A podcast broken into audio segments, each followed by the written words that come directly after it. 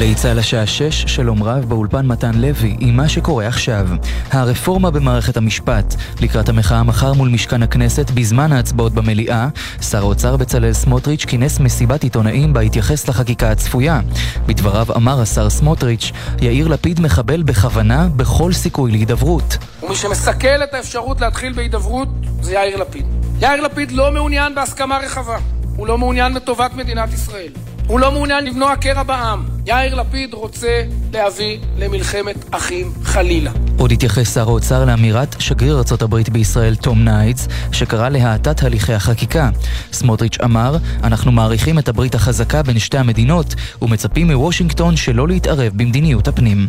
אנחנו הקפדנו תמיד שלא להתערב בעניינים הפנימיים של ארצות הברית, ולכן אני מצפה מארצות הברית לא להתערב בעניינים הפנימיים שלנו. אני יכול להרגיע את השגריר ניידס, שחלק עיקרי בתוכנית שאבנו ממערכת המשפט האמריקאית. ונשיא המדינה יצחק הרצוג התייחס לפני זמן קצר לחקיקה הצפויה לעלות מחר להצבעה וטען, ניתן להגיע להסכמות תוך ימים. על בסיס העקרונות שהצעתי בשבוע שעבר, ניתן לייצר הסכמות תוך פרק זמן קצר יחסית, אפילו מספר ימים, לא שנים וגם לא חודשים. אני קובע חד משמעית מתוקף ניסיוני ותפקידי, אנחנו יכולים להגיע להסכמה. ידיעה שריכזו כתבינו שחר גליק ויניר קוזין. הותר לפרסום, אילנה סוויסה בת 54 היא הגננת החשודה ביותר מ-200 מקרי התעללות בפעוטות במעון בשדרות. מדווח כתבנו בדרום רמי שני. בית משפט השלום באשקלון התיר היום לפרסם את שמה של הגננת משדרות החשודה בהתעללות ופגיעה בפעוטות. מדובר באילנה סוויסה בת 54 שהחלה לפני מספר חודשים לנהל את מעון ויצו בעיר.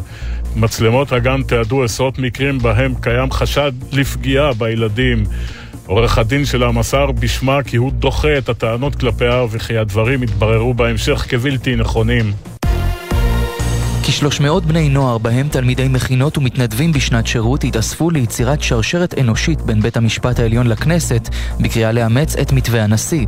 כתבתנו בבירה נועה ברנס שמעה את המוחים שקראו לאחדות. המצב בארץ לאחרונה מראה שסע ופילוג ענק. הנוער כאן, הנוער קורא לאחדות ולהידברות. במקום הזה יש אנשים שגם בעד וגם נגד הרפורמה. כולנו כאן יחד. אנחנו קוראים לכולם להצטרף אלינו ולהראות שלפני הכל אנחנו עם אחד. מחאת בני הנוער תימשך עד יום חמישי באוהל ההידברות. שהקימו ליד בית המשפט העליון בירושלים. כדורסל מליגת העל, הפועל באר שבע מארחת בשעה זו את הפועל תל אביב במסגרת המחזור ה-17. התוצאה בסיום המחצית היא תיקו 38. בעוד כשעה בני הרצליה תארח את מוליכת הטבלה מכבי תל אביב, שתקווה לחזור למסלול הניצחונות אחרי ההפסד בגמר גביע המדינה. כתב חדשות הספורט בר פלג מוסיף שבמשחק המרכזי, מחזיקת הגביע הטריה הפועל ירושלים תארח בשעה 9 את הפועל חולון. מזג האוויר למחר, הטמפרטורות תהיינה מעט גבוהות מהרגיל לעונה. אלה החדשות.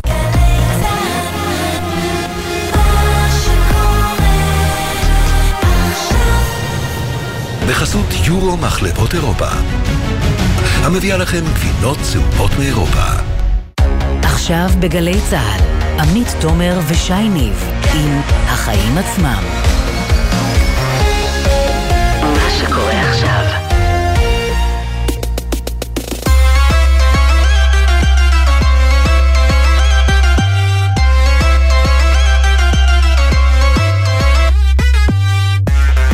עכשיו שש וארבע דקות, אתם על החיים עצמם, התוכנית הכלכלית-חברתית של גלי צה"ל, ואיתי כאן באולפן פותח את השבוע שייני, וערב טוב. אהלן עמית תומר, מה נשמע? בסדר, מה שלומך? שבוע חדש. חדש, צפוף, אה, מעניין, כן, במיוחד מחר, את יודעת.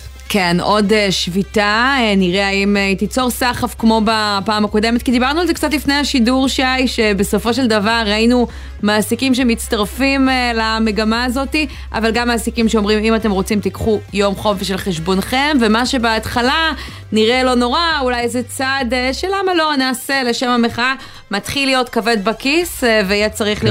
מי ימצמץ ראשון. קצב האירועים באמת ממשיך להיות גבוה. תגובות מכל קצוות הקשת הפוליטית על האזהרה של האמריקאים לישראל בקריאה לשים ברקס למהפכה המשפטית, עם אמירה ברורה של שר האוצר סמוטריץ', שמצפה מהאמריקנים לא להתערב. במקביל, ועדת החוקה בכנסת ממשיכה לעבוד לקראת ההצבעה על חוקי המהפכה המשפטית מחר במליאה. הנשיא הרצוג אומר שאפשר להגיע אה, לפשרה תוך שעות, כמו שאתה אוהב להגיד. שמח. שמח, אה, עצוב, כן, תלוי את מי שואלים. אז אה, נגיע היום גם לעניינים המשפטיים ולשורת האזהרות שמגיעות אלינו מהעולם בסוף השבוע, אבל יש גם דברים אה, נוספים, את יודעת, ששווה לשים לב אליהן כאן אצלנו. מכה נוספת למשל לחברות הענק בתחום המזון, אחרי חוק ההסדרים הדי לעומתי. ברשות התחרות מפסיקים להן את סידור המדפים, כלי משמעותי שלהן שהופך את המדף שלנו לכל כך ריכוזי. אנחנו נראה מה אומרים שם, וגם מה חושב על זה איתן יוחננוף. כן, נראה לי שהוא פחות uh, יצטרף לחגיגה הזאת, מה שנקרא. Uh, נגיע גם לענייני קרן הניקיון של המשרד להגנת הסביבה. זה נשמע פרוצדורלי, ממש. אבל מדובר בכמה מיליארדים טובים שבש"ס מעדיפים, תראה מופתע, שמשרד הפנים ייהנה מהם. ננסה להבין מה ההשלכות של זה על הסביבה שלנו ומה חושב על זה מנכ"ל המשרד להגנת הסביבה. גיא סמט. כן, אה, לקראת אה, סיום נגיע למדינה האהובה לישראלים והמשקיעים שהחליטה לעשות סיבוב פרסה ולדחות אה, משקיעים זרים. אני אעשה פה ספוילר קטן ואגיד שזו פורטוגל. אבל באמת צריך לרוץ. מה הכותרת שלך, עמית? תשמע, הכותרת שלי היא הצד האפל של העבודה מרחוק, כזה שאנחנו אולי לא ממהרים לחשוב עליו מאז שהפסקנו להסתגר בבית והתחלנו לחיות לצד הקורונה.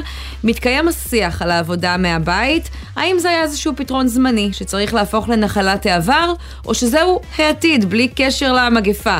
בוחנים את היעילות של עובדים כאן ושם, את ההשפעות של היכולת אה, לפקח על ביצועיהם, חיי החברה ועוד ועוד, אבל מתברר שיש לזה גם השפעה על מקרי ההתעמרות בעבודה.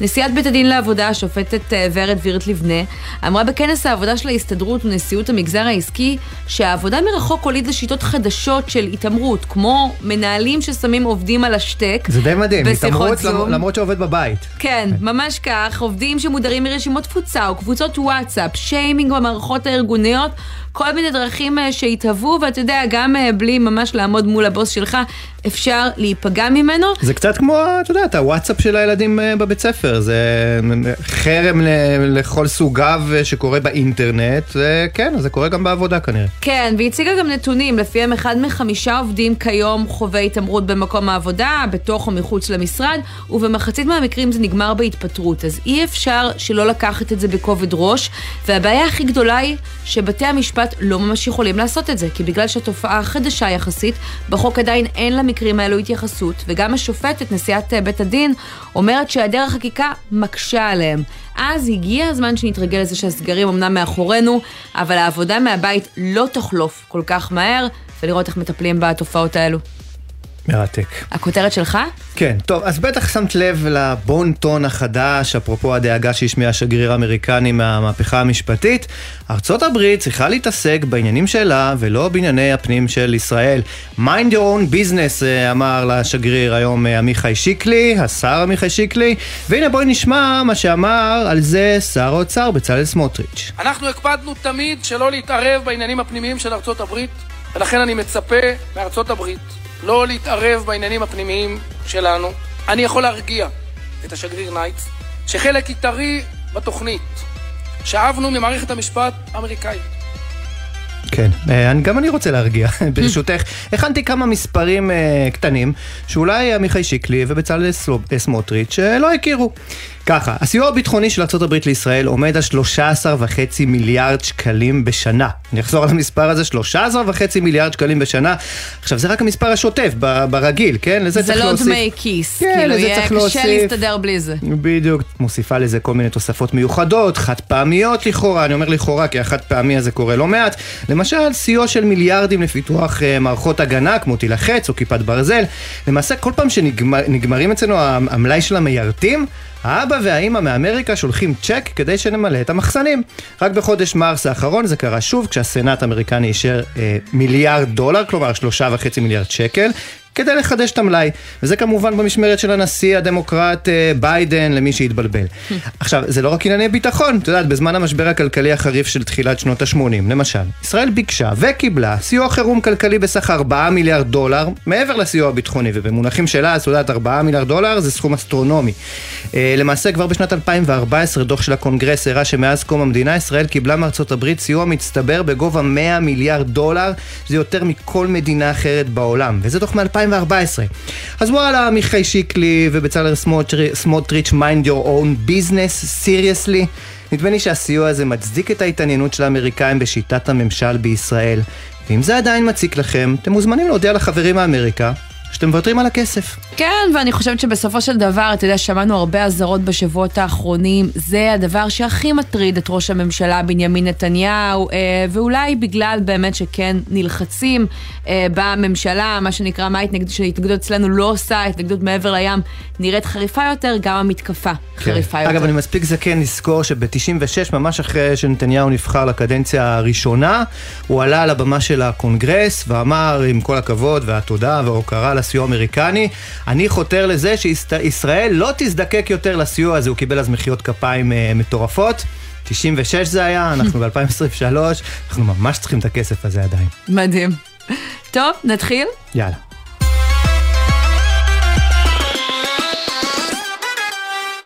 ואנחנו פותחים עם המכה החדשה שניחתת היום על המונופולים במזון ובטואלטיקה, היצרנים והיבואנים, אחרי ביטול המיזוגים בין חברות גדולות, זה מה שמסתמן לפחות בחוק ההסדרים, והדרישה מיבואנים לעבוד רק עם ספק גדול אחד, רשות התחרות מודיעה היום שהיא מוציאה את הסדרנים של הספקים מהסופרים ומשאירה את סידור המדפים לרשתות המזון, אז האם זה יגדיל את התחרות שנראה על המדף? בוא נגיד שלום בעניין הזה לצחי ברקוביץ', ראש תחום מזון ברשות התחרות. ערב טוב.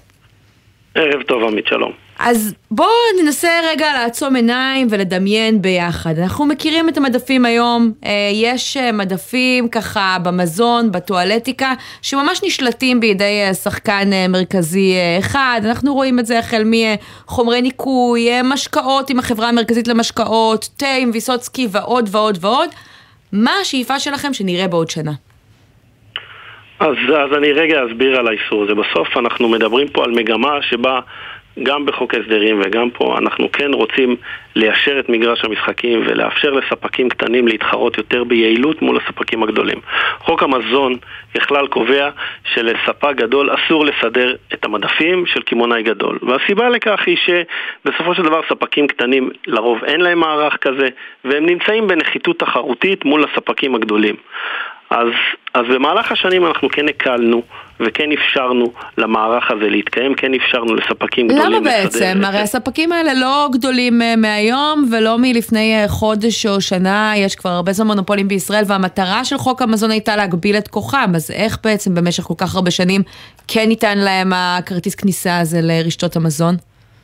אז אנחנו כן הכנסנו תנאים, לפני מספר שנים אנחנו עשינו בדיקה והכנסנו תנאים שהמטרה שלהם הייתה כן לקבוע שהסדרנות תתבצע אך ורק אה, השיקול דעת הוא של הקמעונאי בלבד וכן ניסינו להקל עם השוק מתוך כוונה לנסות ולעזור לשוק אבל מאחר ואנחנו גוף רגולטורי שגם בוחן את הפעולות שלו תוך כדי ונשאר עם אצבע על הדופק אז בחלוף מספר שנים רצינו לבדוק מה הייתה ההשפעה של ההקלה הזאת עשינו את הבחינה שלנו, פנינו לכל הגורמים בשוק, עשינו את הבדיקה, עשינו, יצאנו גם במערך אה, של, אה, של אכיפה. אבל אתה יודע, צחי, עם, עם יד על הלב, עם יד על הלב, אה, בעצם הרי לא גיליתם פתאום, אה, כמו שאמרה גם עמית, שאין אה, תחרות אה, אה, בשוק, הרי זה היה ידוע. אולי מה שגיליתם זה קצת יותר אומץ, ואולי גם uh, קצת יותר רוח גבית uh, מהממשלה uh, הנוכחית, אולי גם קצת הקודמת, וזה מה שאפשר להוציא את הדבר הזה לפועל עכשיו. אז בסופו של דבר, שוב, אנחנו עשינו בדיקה עצמאית והסמכות של הממונה על התחרות היא, היא סמכות עצמאית לחלוטין. במהלך הבדיקה הגענו לכלל מסקנה שה... אה, התחרותית שהספקים נמצאים בה כתוצאה מהדבר הזה היא בעייתית. אנחנו כן רוצים שספקים יתחרו על המדף on the merit, לגופו של עניין, ו- ולא יהיו בנחיתות מול הספקים הגדולים, שבסוף לספקים גדולים יש המון משאבים והמון מוצרים, ותמיד יקיימו את מערך הסדרנות שלהם, וספקים קטנים לא יכולים. אבל כשאתה אומר נחיתות, זהו, אנחנו... תסביר אולי למה אתה אה, מתכוון. האם אה, גיליתם אה, לצורך העניין שהשליטה הזאת במדפים אה, בסופר מאפשר ליצרניות הגדולות גם לקבוע את המיקום של המוצרים שלהם על המדפים? אז עדיין, גם שהתרנו את זה, עדיין היה אסור לספקים להיות מעורבים בזה. אבל הנחיתות הזאת באה לידי ביטוי גם בעובדה שאין מערך הפצה. יכול להיות אבל שהבנתם ש... שקשה לכם לאכוף את זה, שאתם לא יודעים עד הסוף ברגע שהם נכנסים לרשתות המזון, האם, אה, אתה יודע, הם שמים אה, בדיוק לפי התוכנית את המוצרים, או גם אה, מבקשים להזיז אותם קצת הצידה, למרכז, למקום יותר בולט? אז גם, אז קודם כל, לגופו של עניין, אם ספקים אה, לא נכנסים לסופר, כי למשל הקמעונאי לא רוצה להתעסק בסידור שלהם ואין לו מי שיסדר אותם, אז זה בהחלט משהו שמטריד אותנו. ובנוסף, כן, יש סוגיה של האם קשה לדעת האם המוצר סודר כרגע במדף על ידי הסדרן מרצונו של הקמעונאי, או האם הספק המליץ, או הייתה לו מעורבות. אז זו השאלה הבאה שלי, צחי, אתה יודע, הרי גם, גם אם תעבירו את זה עכשיו, הכל טוב ויפה, מי מונע עכשיו מהספקים הגדולים להגיע להסכמים כאלה ואחרים עם אה, רשתות השיווק? ובסוף אה, הסופר עצמו הוא זה שיסדר את המדף, אבל על פי אה, רצונו של הספק הגדול. גם זה יכול לקרות. אז זה באמת אסור לפי חוק המזון, ואנחנו פה בשביל לבדוק ולה, ו, ולנקוט באמצעי אכיפה, וכבר לאחרונה, בשנה האחרונה, בדקנו באופן אקטיבי, ביקשנו את כל הסכמי הסחר, ביקשנו, בדקנו וגילינו לא מעט הפרות של חוק המזון, שכרגע הם בעוד תהליכי אכיפה, זה עוד לא, זה עוד לא יצא, אבל אה, אנחנו פה כדי לבדוק ולוודא שהדברים האלה לא קורים. זה עוד דברים ש... שעוד אה, לא נסגרו, אנחנו כן בוחנים אותם ואנחנו כן פה נישאר ונמשיך לבדוק ונוודא שהחוק נאכף. ואין הפרות של חוק המזון. אה, אני כן רוצה שוב לציין ש... עוד גילינו במהלך הבדיקה שעשינו, שאם אנחנו מסתכלים רגע מה יעיל או לא יעיל בהסדר הזה, אז כן הגענו למסקנה ש... לצורך העניין, ארבעה ספקים שמסדרים את אותו מדף, ככל הנראה זה לא יעיל באותה צורה כמו שהקמעונאי יסדר אותה בעצמו, ובגלל הדברים האלה, בטח בגלל היעילות וגם, לעומת, וגם לעניין הנחיתות התחרותית שספקים קטנים נמצאים בהם, כן. הגענו למסקנה שצריך לבטל, אבל חשוב לציין, נתנו זמן התארגנות, כי מדובר במהלך שהוא מאוד משמעותי, זה דורש מהסופרים, מהקמעונאים להתארגן, לגייס כוח אדם שיסדר, ולכן ניתן להם עד סוף השנה להתארגן. ותגיד, אתה לא רואה תרחיש שבו אה, רשתות המזון אה, באות ואומרות, אם זה המצב, אנחנו צריכים לקחת עוד אה, עובדים, אז אנחנו נעלה מחירים? שזה בעצם הפוך מהמטרה שאתם מנסים להשיג? אז א', אני לא בטוח שהקמעונאים לא יכולים גם לבקש הנחות, ואנחנו אפילו רואים את זה שזה קורה היום. זאת אומרת, הקמעונאי מבקש הנחה אה, כתוצאה מהסדרנות ומקבל. אז... אה, אבל אז מה עשינו פה? כי עוד פעם הגדולים יוכלו לתת יותר הנחות, והקטנים אה, יידחקו מהמדף, לא? הסד... הסדרנות עולה כסף גם היום, גם היום שלצורך העניין הספק שהוא מסדר אצל הקמעונאי הוא מתמחר את העלויות שלו ומכליל בפנים את הסדרנות. אז זה שהספק לא יסדר, השאלה, רק אומר שירדו לו העלויות. השאלה לסיום, אם לא צריך ללכת צעד אחד קדימה ולחייב את רשתות השיווק באופן אקטיבי לפנות מקום לספקים קטנים, כי אנחנו העלינו לא פעם ולא פעמיים ספקים אה, קטנים שאמרו לנו במפורש, אנחנו לא נמצאים בכלל על המדף, כלומר אותנו פחות מעניין אם הסדרנית אה, או הסדרן של אה, תנובה עכשיו שמו את המוצר על המדף הזה או אחר, אנחנו פשוט לא שם. אז אני חושב שהמעורבות וההתערבות בשטחי המדף זה, זה מה שנקרא ריקוד עדין שצריך לנהל אותו בצורה מאוד עדינה. אנחנו חושבים שעדיף לעשות את זה באמצעות יצירת תמריצים ולכן למשל בחוק ההסדרים הקרוב אנחנו, הכוונה שלנו כן לאפשר תמריצים לספקים אה, שימכרו את המוצרים של ספקים, של קמעונאים שימכרו אה, מוצרים של ספקים קטנים, לקבל, אה, לקבל הקלות בחוק המזון. בנוסף אנחנו גם אה, מתכוונים להכניס הוראות שקשורות ליכולת של ספקים קטנים להתחרות בספקים גדולים בהקשר של הנחות. ואנחנו באמת מנסים לגרום פה למגרש משחקים שיהיה שווה ושהתחרות תהיה לגופו של עניין. כן. אנחנו לא חושבים שצריך לעשות את זה באמצעות התערבות בשטחי המדף, כי היא גם יכולה להעלות מחיר, כי אם מדפים יישארו ריקים פה, כי אין מספיק ספקים ש- שייכנסו, אז זה גם יכול לפגוע. ולכן עדיף מתן של תמריצים, ולא לבוא עם, עם גזר ולא עם מקל. אוקיי. צחי ברקוביץ', ראש תחום מזון ברשות התחרות, תודה רבה לך תודה רבה. על הדברים האלה, ואנחנו רוצים להגיד שלום עכשיו, אה, מאזין אה, לצחי, איתן יוחננוף, מנכ"ל ובעלים של רשת יוחננוף, ערב טוב. ערב טוב. אז אני אשאל אותך את אותה שאלה ששאלנו את uh, צחי, בעצם יש כאן עוד עובדים שאתם צריכים uh, לקחת, לשלם להם, עד היום אתם לא עושים את זה. זאת הוצאה נוספת, והאם תגלגלו אותה לצרכנים?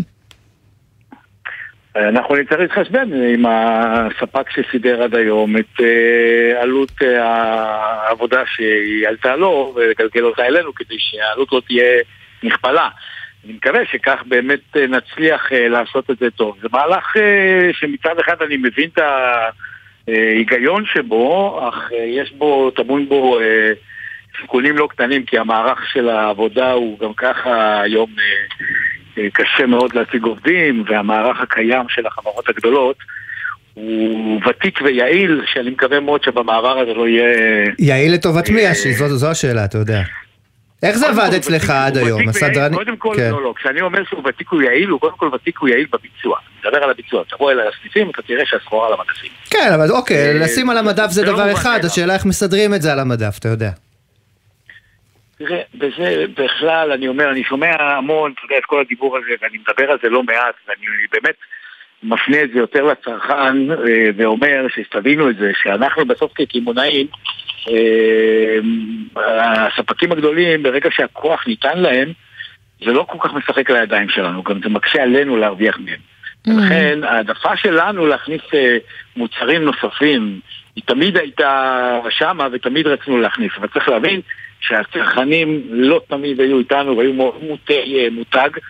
מה שיש דווקא בתקופה הזאת שאנחנו מדברים, אה, אנחנו, רשת יוחננוף בשנה, שנתיים אתה מרגיש שינוי. האחרונה, לא רק שמרגישים שינוי, אנחנו גם עושים המון המון המון פעולות בעקבות הדיבור סביב זה, ואכן יש שינוי גדול מאוד ומגוון ענק של מוצרים נכנס למדפים, ואפילו מקבל אה, גיבוי אה, יפה מאוד מהצרכנים, שאני אומר, המהלך הזה כבר קורה. אז אה, תגיד, מה החשש שלך עכשיו? מה אתה חושש שיקרה כתוצאה מהשינוי הזה? מה יכול להיות ההשלכות הפחות רצויות? החשש האמיתי הוא שהוא באמת, צריך להבין שהמערכים האלה של כוח האדם ב- כמעט, בחברות הגדולות מכיל כמעט 50% אה, מה- מהמכר. תבינו, בכמות כוח אדם, זו כמות אה, גדולה וכבדה מאוד של אה, חברות שמנהלות את זה ככה כבר המון המון המון שנים, עם מערך מאוד מאוד מקצועי של העסקה והפעלת כוח אדם.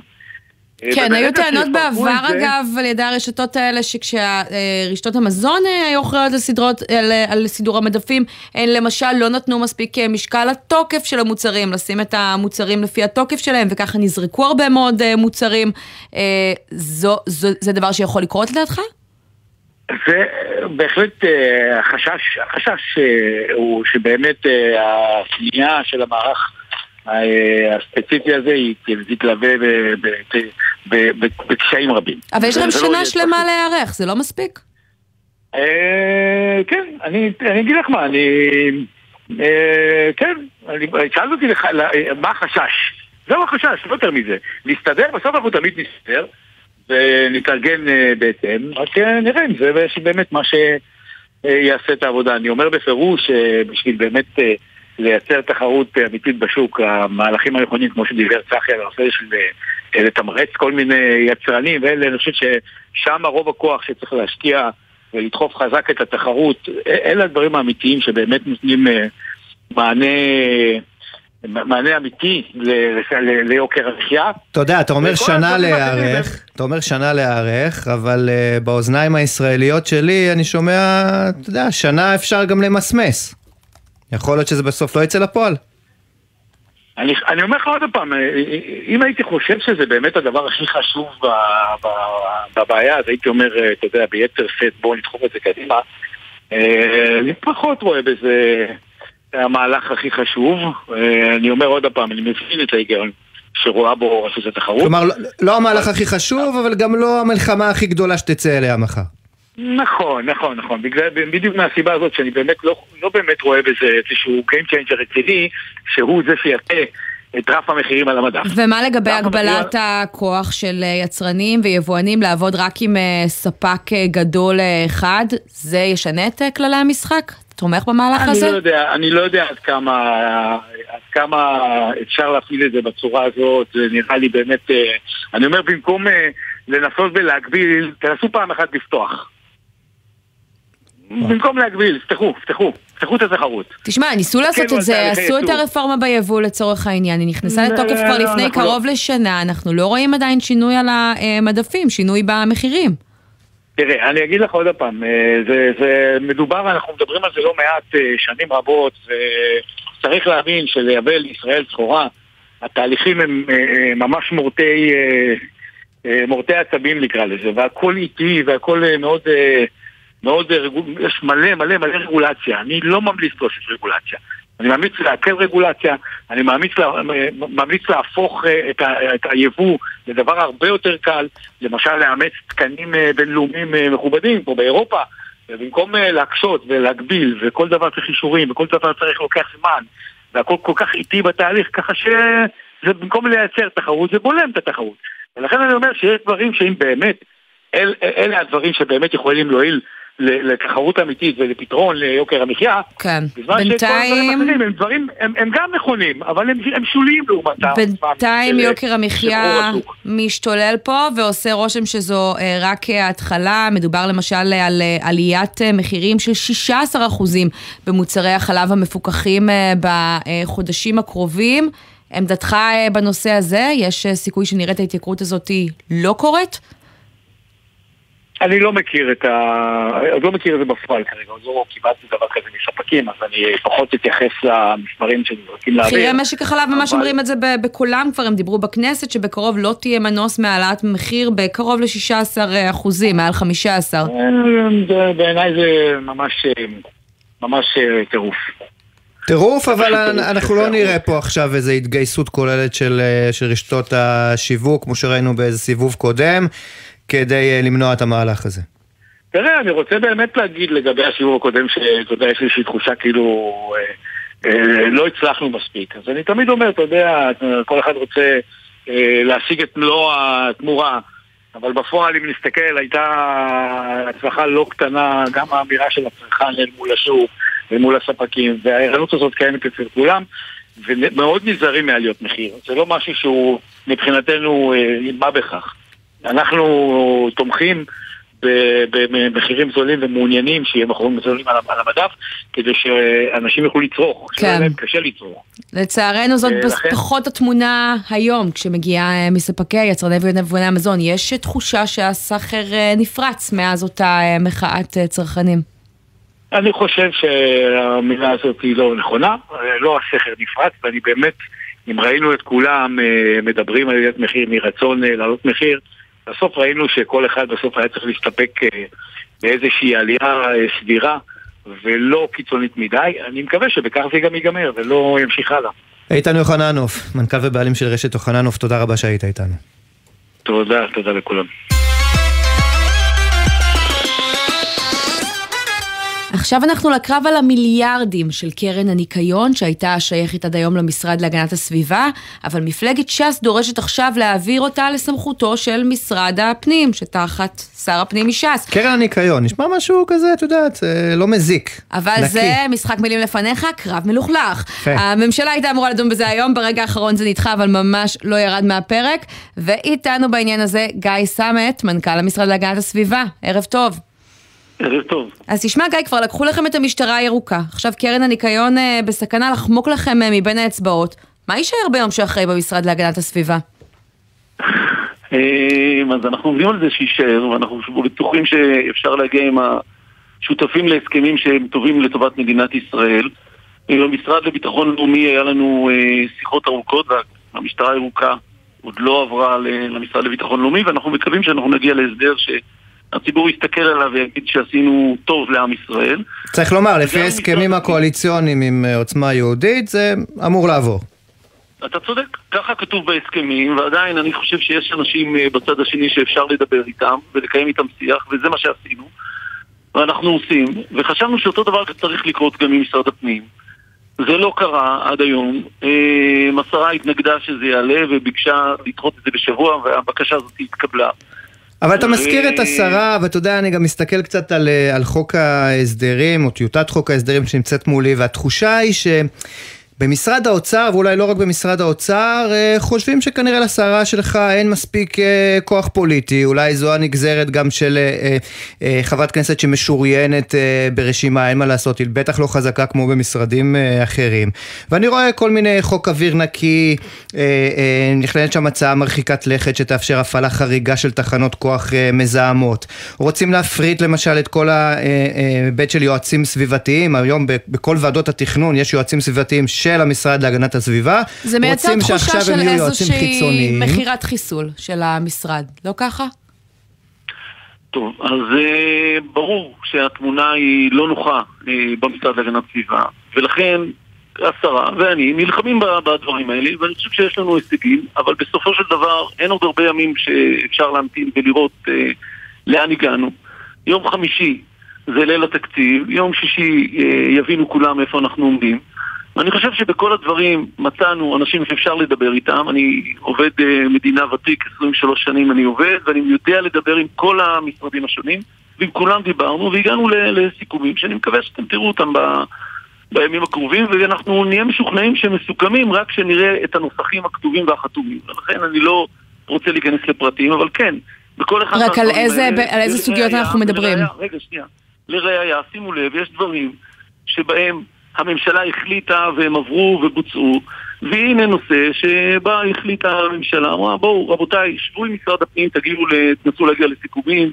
פגשתי היום אה, אחר הצהריים את אה, מנכ"ל משרד הפנים ושוחחנו על אה, אופציות מסוימות, שאני חושב שבסופו של דבר יכולות להוביל רק לתועלת לעם ישראל. גיא, למה ש"ס... גם במשטרה הירוקה ובשאר הדברים. ישבת איתם, שמעת אותם, גם את הדרג המקצועי, למה ש"ס כל כך מעוניינים בקרן הניקיון?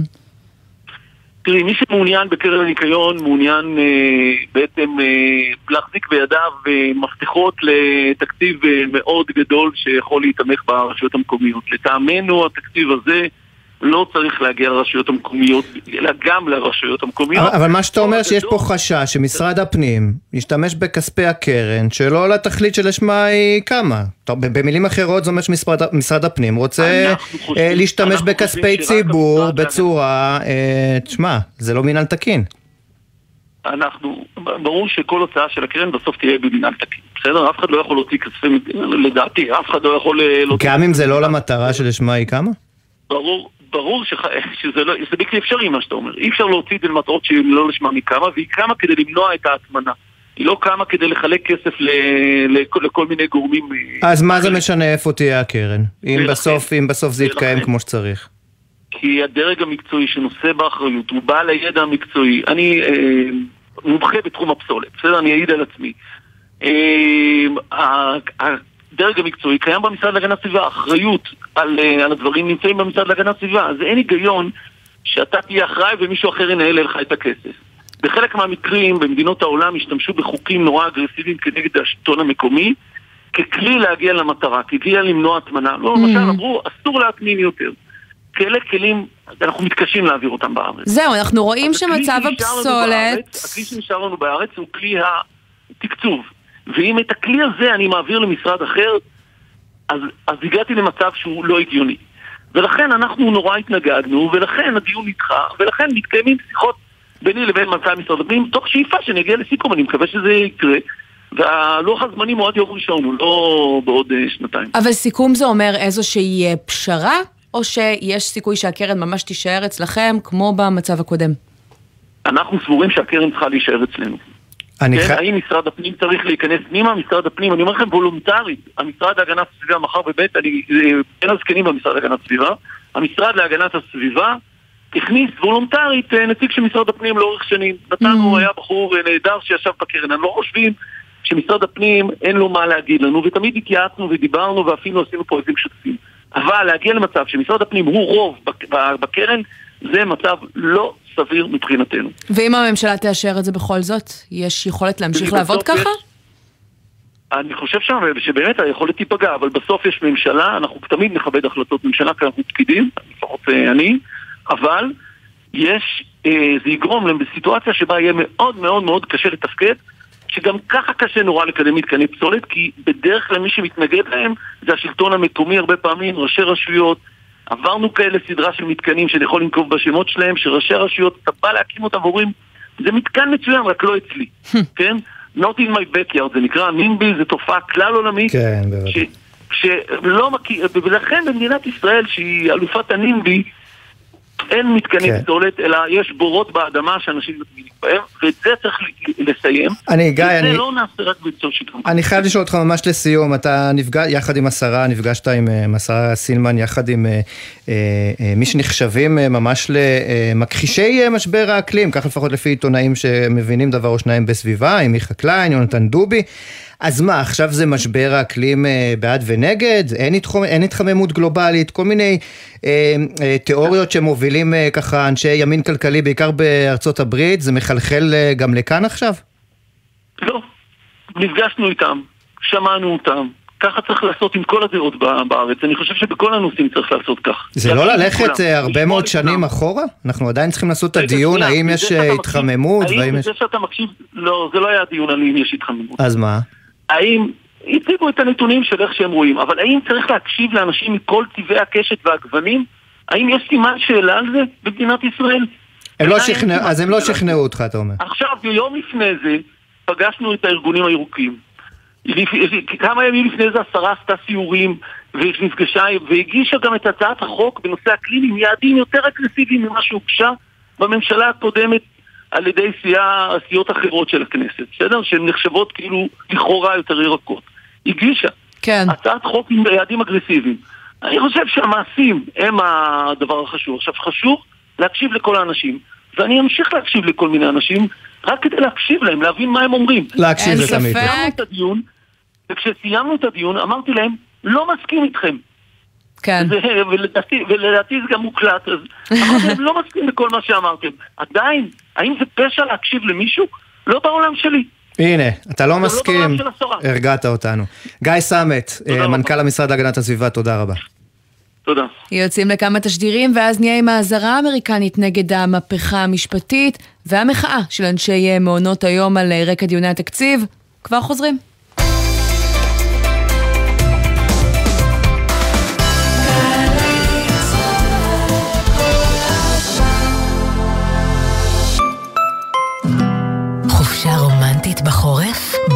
בואו לירושלים. פברואר של אהבה בירושלים. תרבות ומסעדות בחוויה ירושלמית אוהבת וחורפית. מגוון הטבות בבתי המלון ובאטרקציות ברחבי העיר.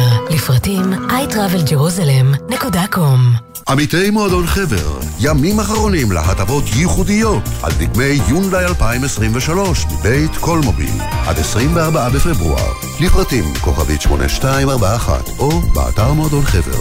זה הכל בשבילך,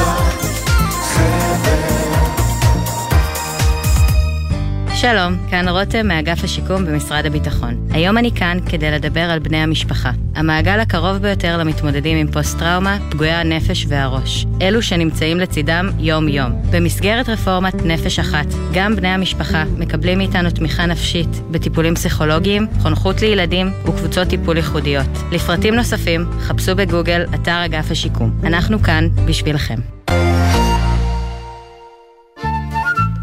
שלום לכם, כאן אבשלום קור. מה משותף לנשיא הרצוג, לשר יריב לוין, לרמטכ"ל הרצי הלוי ולעמית סגל, שכולם לוויים? יש לא מעט שמות משפחה של לוויים. הקשיבו לפינתי מחר, יום שני, בבוקר לפני שש, בצהריים לפני שלוש, אפילו הצייר מרק שאגאל היה לוי. שלום, כאן יואב גינאי. המוסיקה ברדיו גרמה לי להבין מגמות בחברה שלנו. הסרט האחרון שראיתי בקולנוע לימד אותי על הכלכלה שלנו. והצגת התיאטרון האחרונה שעלתה לחצה לי על הנקודות הכי בוערות במדינה. כי זוהי תרבות, המראה הכי חדה לחיים שלנו. ולכן, בכל שישי בבוקר אני שואל, מה יהיה בתרבות? מה יהיה עם יואב גינאי? שישי, תשע בבוקר, גלי צה"ל. ספי ויניר פותחים את הבוקר. יש דרך אבל לפתור את זה, ארבל. אם אריה דרעי יסכים שהוא מוכן להיות למשל יושב ראש הכנסת, אתה לא רואה אפשרות שזאת תהיה... בזווית מבטך, אתה מסתכל כאן איך אנחנו מסדרים תפקיד או ג'וב לאריה דרעי. זווית ההסתכלות שלך. יש דרך אחרת לראות את זה? סליחה על הצחוק המתפרץ, חבר הכנסת. ספי עובדיה ויניר קוזין, ראשון עד רביעי בשמונה בבוקר, רק בגלי צה"ל. עכשיו בגלי צה"ל, עמית תומר ושי ניב עם החיים עצמם. חזרנו ועכשיו אנחנו לדילמה של בנק ישראל בכמה להעלות מחר את הריבית והאם כבר בתחילת 2023 לפרוץ את התחזיות לסיומה אחרי מדד מחירים מאוד מאכזב שראינו בשבוע שעבר שבעצם גילה לנו שהאינפלציה עדיין איתנו ועוד מתגברת עוד חזית מגיעה בסוף השבוע, הפעם סביב החששות הכלכליים מהמהפכה, הרפורמה המשפטית, תלוי את מי אה, שואלים.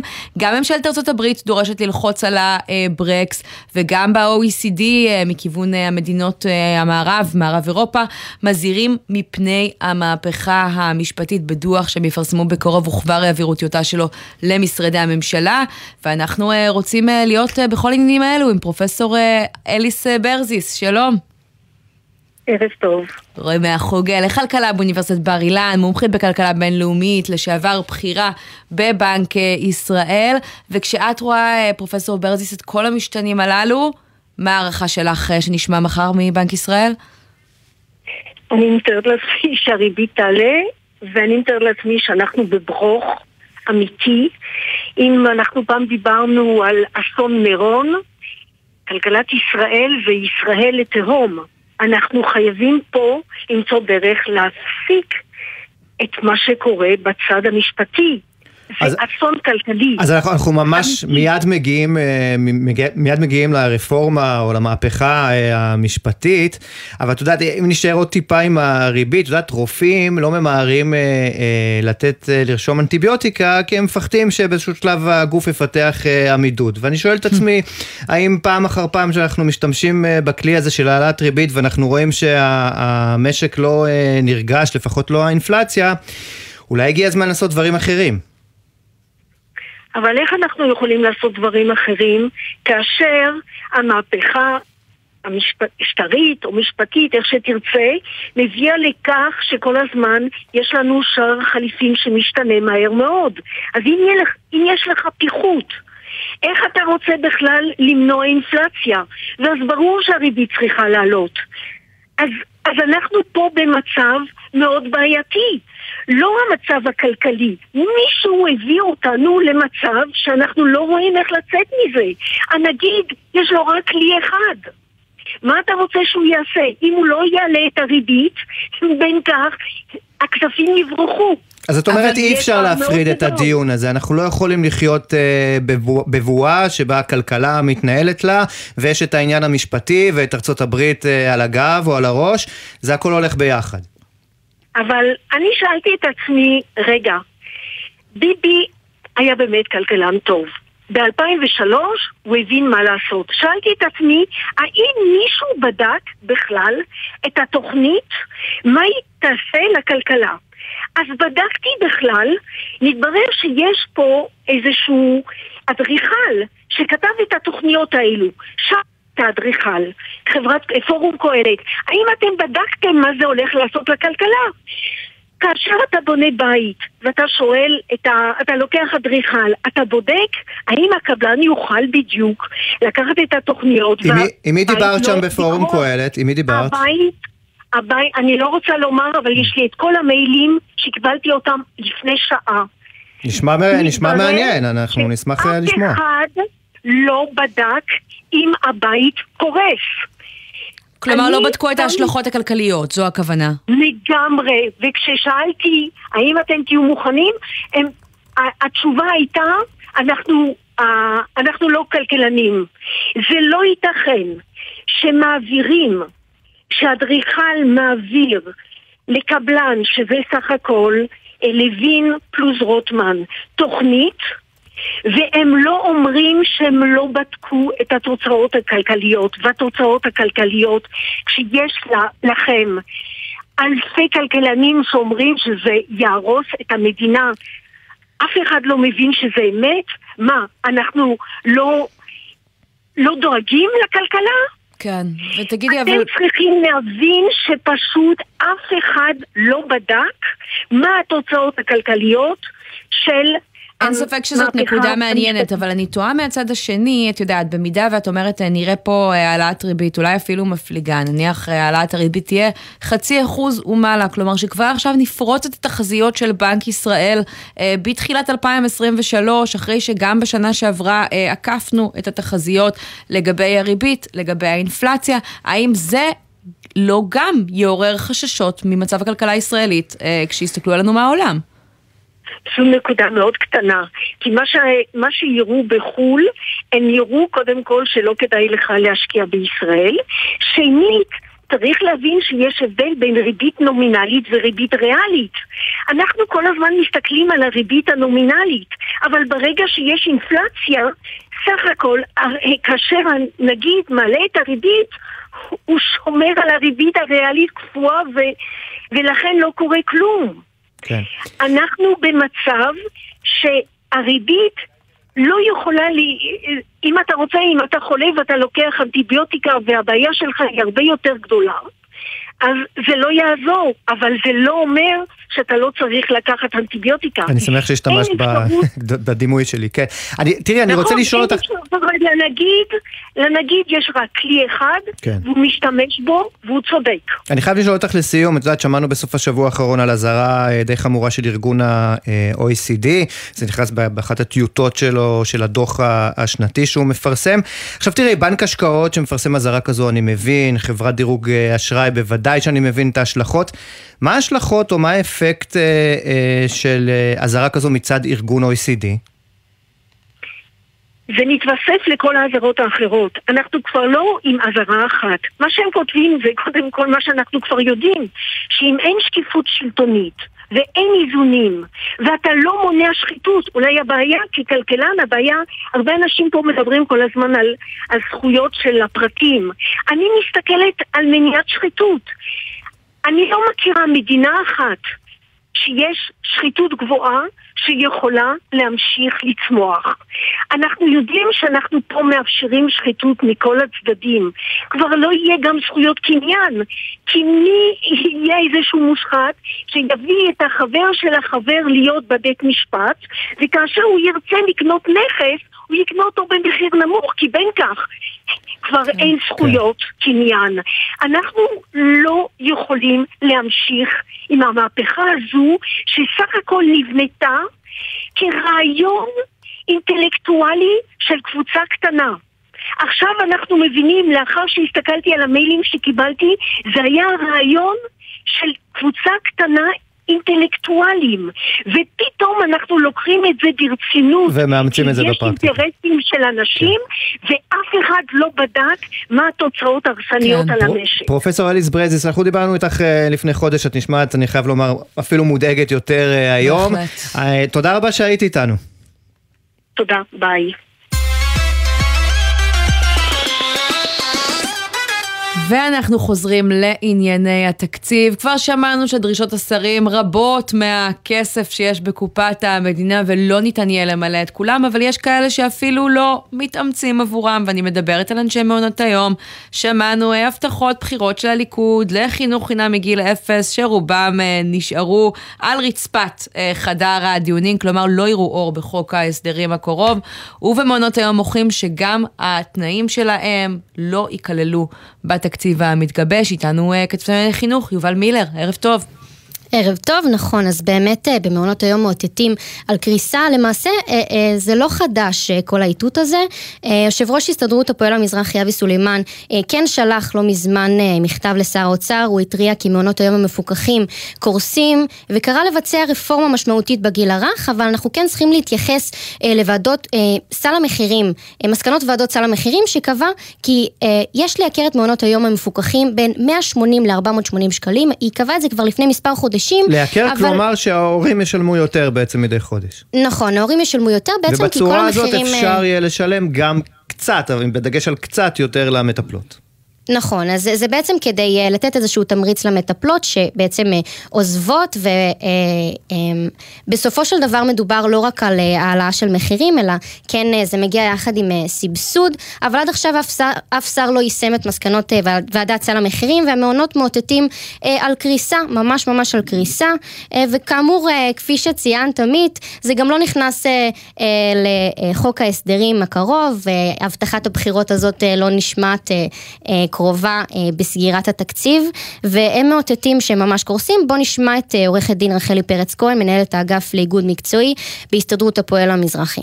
למרות המלצות ועדת סל המחירים מחודש אוגוסט האחרון, הממשלה תדון בקרוב בטיוטת חוק ההסדרים שכוללת כמעט 300 עמודים ובלי מילה אחת על הרפורמה הנדרשת בחינוך לגיל הרך. משרד האוצר לא יכול להתעלם יותר ממשבר המטפלות במעונות היום המפוקחים. בכל יום שעובר המשבר רק הולך ומחריף וגורם לעוד ועוד מטפלות לעזוב את המעונות כן, יובל אה, מילר, אה, שמענו את הדברים, אנחנו רוצים להתקדם, אנחנו כמובן אה, נמשיך לעקוב אחרי העניין הזה. תודה רבה.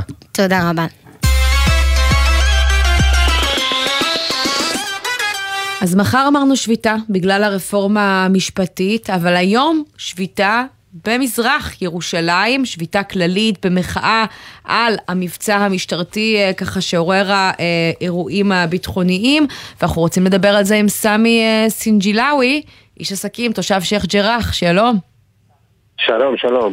אתה אה, פעיל בפתח, מנהל קרן פיתוח ירושלים. על מה אתם שופטים? תסביר לנו קודם כל. על המצב הגרוע באזרח ירושלים. וזה נמשך לשנים ושנים. כלומר, מה הדרישה שלכם עכשיו אבל?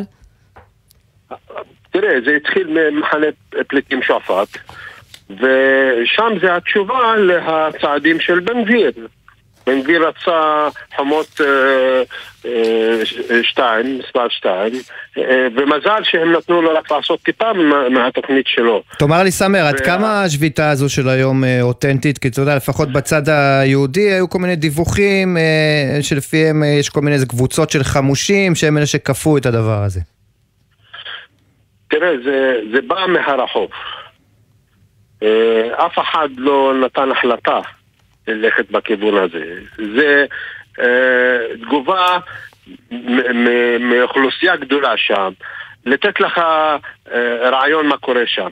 תראה, כן. השכונה הכי גדולה במערב העיר, השכונה היהודית הכי גדולה זה רמות, יש שם 40 אלף uh, תושב. כן. במחנה פליטים שועפאט, שמחוץ הגדר, יש 100 אלף uh, תושבי ירושלמים.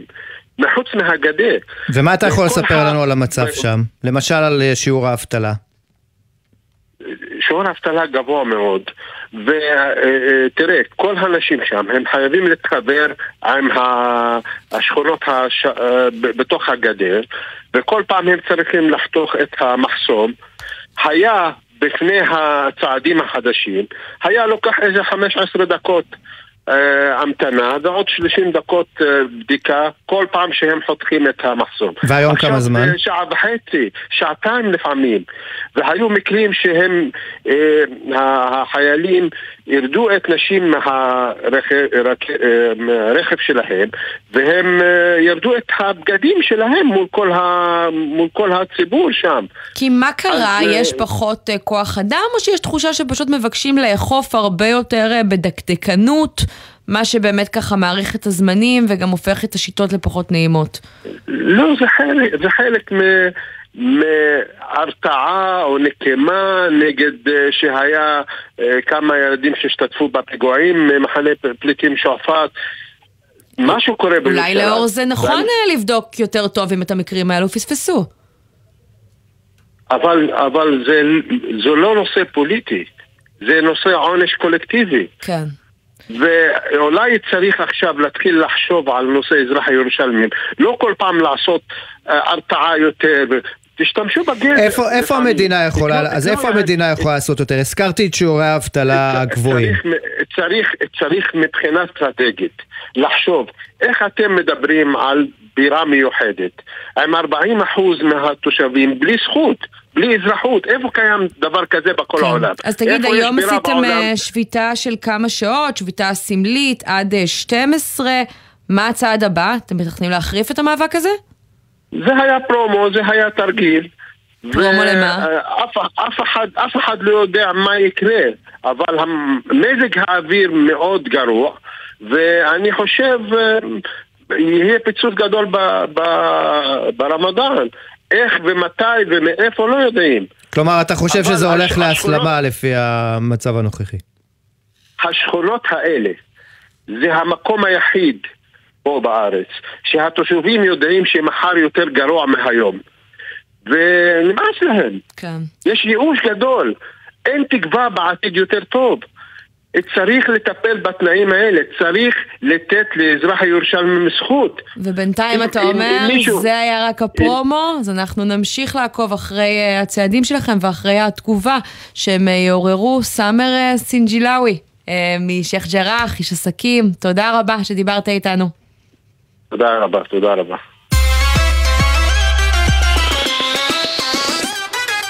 החלום אה, לדרכון אה, פורטוגלי כבר הפך למשהו שהרבה יותר קשה להפוך למציאות אה, בחודשים האחרונים, מאז ככה הסיפור עם אנשי העסקים, שהתברר שידם אה, קלה שם יותר מדי אה, להשגת הדרכון. הרסו לכולנו. כן, ועכשיו יש עוד החמרה, איתי מוריס, הנדל"ן בפורטוגל, אתה איתנו על זה, שלום. שלום, אהלן, ערב טוב. אז זו הייתה משימה קשה, ועכשיו מה, בלתי אפשרית? אז היא הייתה, האמת שכבר מספטמבר היא בלתי אפשרית במסלול המוכר שאנחנו כולנו נחשפנו אליו בפרסומות הרבות. ו... מה, מה זה במסלול המוכר? יש איזה מסלול סודי שאתה רוצה לספר לנו עליו? לא, המסלול המוכר מדבר על אה, מגורשי ספרד, שבעצם אה, רבים, אני לא יודע אם אתה מכיר את המספרים, אבל למעלה מ-300 אלף איש בסופו של דבר אה, הגישו בקשה במסלול הזה. כן. אבל uh, תמיד במקביל למסלול הזה היה את המסלול האליטות, מה שנקרא, ויזת המשקיעים, ויזת הזהב. כן, שזה אה, גם כשאתה ש- משקיע יותר, זה ילך לך מהר יותר, אני מניח. לא, לא, לא, לאו דווקא מהר יותר, לאו דווקא. אה, אתם אז צריכים מה? לזכור, זה לא מהירות, זה, זה זכות. אזרחות אירופאית היא היום מצרך מאוד מאוד מבוקש. כן. במיוחד בישראל, אני יכול להגיד לך שאחרי הבחירות בישראל פתאום ראינו ביקוש מאוד מאוד גדול לוויזות המשקיעים בפורטוגל. בוודאי אחרי שהמסלול הרגיל של אה, מגורשי ספרד כבר לא, כבר לא היה אפשרי. וגם זה עכשיו כבר לא על הפרק. ומה קורה עכשיו? יש אה, עוד אה, התגברות שאתה מרגיש ככה בשבועות האחרונים סביב כל המחאות ובריחת תראו. המשקיעים שכל הזמן מדברים עליה? אז אני... אז כן, המגמה התחילה מהבחירות האחרונות. אה, ההתעצמות אה, אה, היא מאוד משמעותית, אבל אה, גם בפורטוגל יש משברים, אה, בכל העולם יש משברים אה, בצורות כאלה או אחרות. כן, אה, צריך להגיד יש- מהצד השני, זה הוביל בפורטוגל לגידול של הפערים החברתיים, לעלייה במחירי הנדל"ן, זה באמת הצד האפל אולי של ההקלות האלה. אז אני, אני קצת לא מסכים עם הניתוח הזה, כלומר, בתפיסה קצת יותר ליברלית, אנחנו דווקא רואים שה, שהחוקים האלה, בין היתר ויזת המשקיעים, בסך הכל מהווים בין 3 ל-4 אחוז מכלל עסקאות הנדל"ן שהתרחשו מדי שנה בפורטוגל. וגם, זה עסקאות כן. נישה, כלומר זה בדרך כלל עסקאות יקרות אומר יותר. אולי הם אה, כאלה. ככה ממהרים להאשים את מי שקל בצרות של אחרים. איתי מור, נגמר לנו הזמן, משמעית. אנחנו חייבים לסיים. תודה רבה על הדברים האלה. ב- ונגיד תודה בשמחה. גם לבן נצר, העורך שלנו, למפיקים לירון מטלון ועמליה זקס לוי, על הביצוע הטכני היה ליאור רונן, עורך הדיגיטל הוא יוסי ריס, ותכף יהיה פה עידן קבלר עם 360 ביום. אני עמית תומר, שי ניב, תודה רבה. תודה, היה כיף. נהיה פה גם מחר, תבואו, ביי. בחסות מועדון הצרכנות הוט, המציע להייטקיסטים, הנדסאים ומהנדסים לפתוח חשבון בבנק לאומי ולקבל מענק כספי, פטור מעמלות ועוד. כוכבית 5521, כפוף לתנאי הבנק.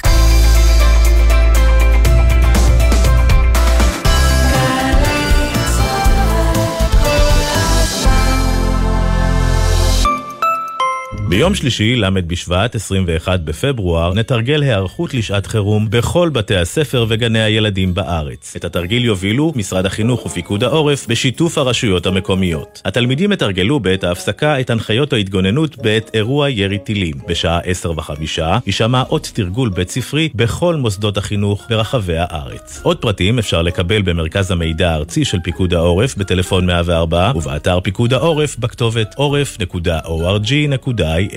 קבלו משוואה, כמה זה יחס אישי, כפול מרצים מעולים, לחלק לכיתות קטנות, התשובה, 90% השמה בשנה שעברה. עזריאלי, חממה למהנדסי העתיד ולמהנדסות העתיד. לפרטים כוכבית 9087. אקדמית להנדסה, ירושלים. משרד התחבורה מציג נתיב פלוס 2. במקום שלושה נוסעים, הנסיעה מותרת לשניים ומעלה. בכביש 1, ממחלף דניאל ועד מנהרות הראל. שימו לב, הנתיב פועל בימים א' עד ה' בין 6 וחצי ל-9 וחצי בבוקר, ובשישי בין 12 ל-5 אחר הצהריים. ביתר שעות היממה, הנסיעה חופשית לכולם. עוד מידע באתר. מגיש משרד התחבורה. בין תל אביב לאילת יש כ-90 מקומות עצירה לקפה.